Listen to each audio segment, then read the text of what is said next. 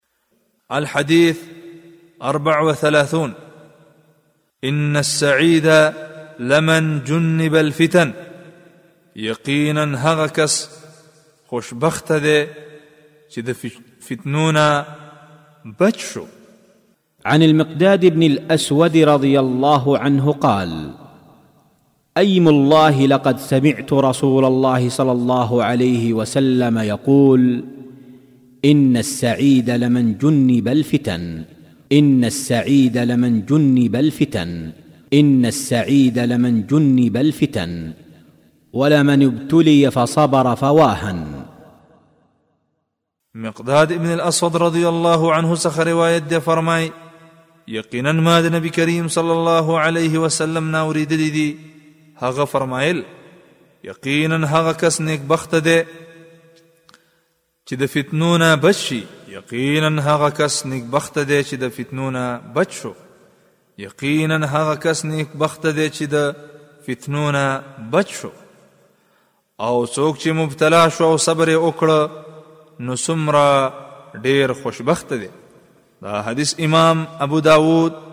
رحمه الله تعالی په خپل سنن کې ذکر کړی دی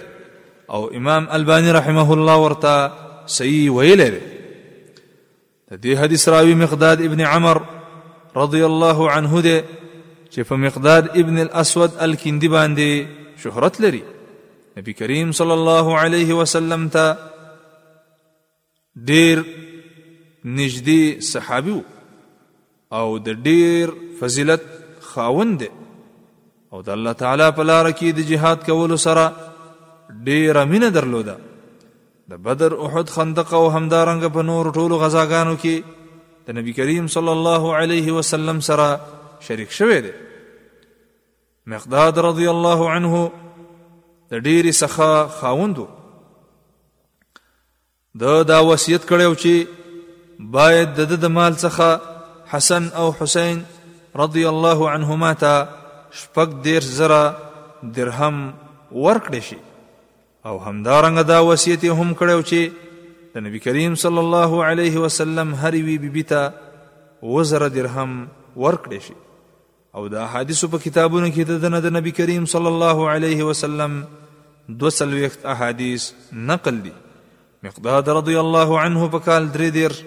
هجری کې جروف مقام کې چې د مدینې نه چې د مدینې نه درې میله په فاصله کې واقع دی وفات شو د عثمان ابن عفان رضی الله عنه په زمانه د خلافت کې او بیا مدینې ته راوړل شو او د جنازې لمونځ عثمان ابن عفان رضی الله عنه ادا کړ او د بقی په هدیره کې دفن کړه شو من فوائد هذا الحديث دې حدیث د فواید څخه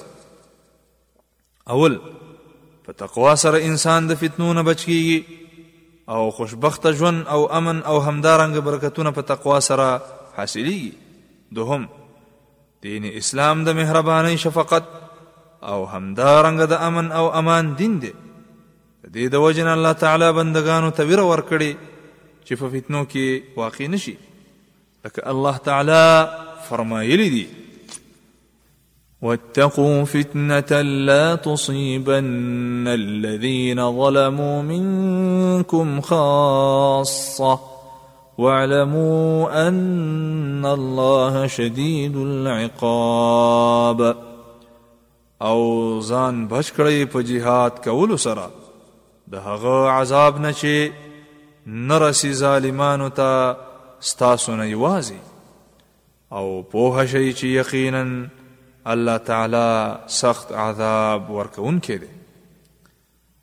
د فتنو په وخت کې باید مؤمن بنده د فتنو نه خپل ځان بچ کړي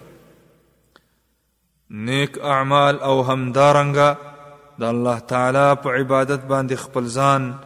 مشغول کړي څلورم په دې حدیث کې لفظ د فواها راغلی دی بعضې علماو د دې لفظ معنا په افسوس سره کړې ده یعنی د هغه چا په حال ډیر افسوس دی څوک چې په فتنو کې واقع شو او بعض علماو د دې معنا په خوشحالۍ سره کړې ده یعنی هغه څوک ډیر خوشبخته دی چا چې خپل ځان د فتنو نه بچ وساته